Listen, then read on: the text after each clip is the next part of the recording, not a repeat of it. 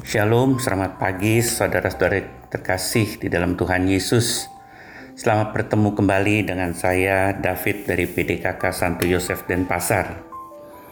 Hari ini kita sama-sama ingin merenungkan Injil Matius bab 18 ayat 1 sampai 5. Saudara-saudari yang terkasih di dalam Tuhan Yesus, hari ini gereja semesta merayakan pesta Santa Teresa dari kanak-kanak Yesus jalan kecil yang menjadi spiritual, spiritualitasnya yang sederhana, menunjukkan semangat pengabdian dan kerendahan hatinya yang luar biasa. Doa-doanya yang polos, bagaikan permintaan seorang anak kecil, menampilkan suatu aspirasi dan semangat misioner yang memancar keluar dari bilik pertapaannya yang sederhana. Dalam bacaan hari ini, murid-murid Yesus mempersoalkan siapa yang terbesar dalam kerajaan surga.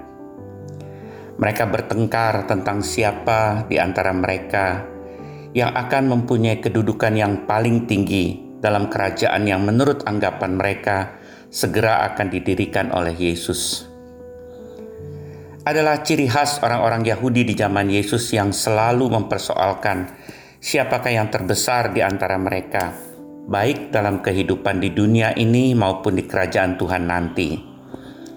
Apabila seorang Yahudi mengadakan sebuah perjamuan makan, maka dengan teliti ditentukan siapa-siapa saja yang boleh duduk di tempat nomor satu, siapa yang duduk di tempat nomor dua, dan seterusnya.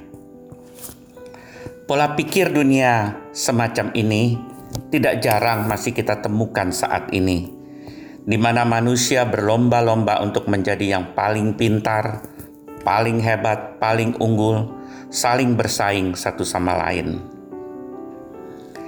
Dengan memanggil seorang anak kecil, Yesus mau menegaskan bahwa murid-muridnya harus bertobat, merubah pola pikir mereka. Seorang anak kecil digunakan oleh Yesus untuk melambangkan kepolosan dan kerendahan hati Yesus menghendaki agar supaya ada kerendahan hati semacam itu dalam diri para muridnya. Karena dia sendiri telah memberikan teladan dengan hidup melayani, bahkan menderita sampai mati untuk keselamatan manusia.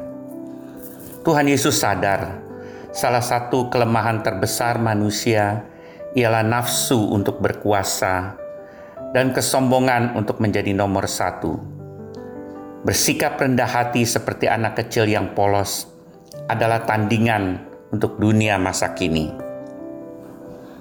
Para murid menyangka bahwa mereka yang selama ini menyertai Yesus, hidup bersama Yesus, menyaksikan mujizat-mujizat yang diadakan Yesus, mendengarkan pengajaran Yesus, sudah pasti terpilih untuk menduduki jabatan dan kedudukan yang tinggi. Tetapi ternyata dalam kerajaan Allah berlaku ukuran dan penilaian yang lain.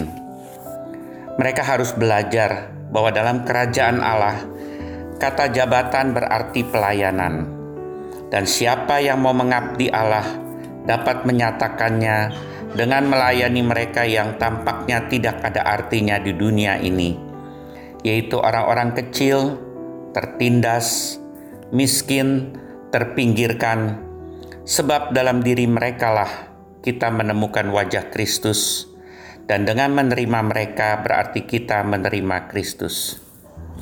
Mari saudara-saudara yang terkasih di dalam Tuhan Yesus, kita boleh meneladani Santa Teresa dari kanak-kanak Yesus yang selalu rendah hati, yang selalu memilih jalan kecil yang sederhana, sehingga dia sungguh berkenan kepada Allah.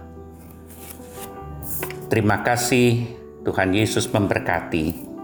Amin.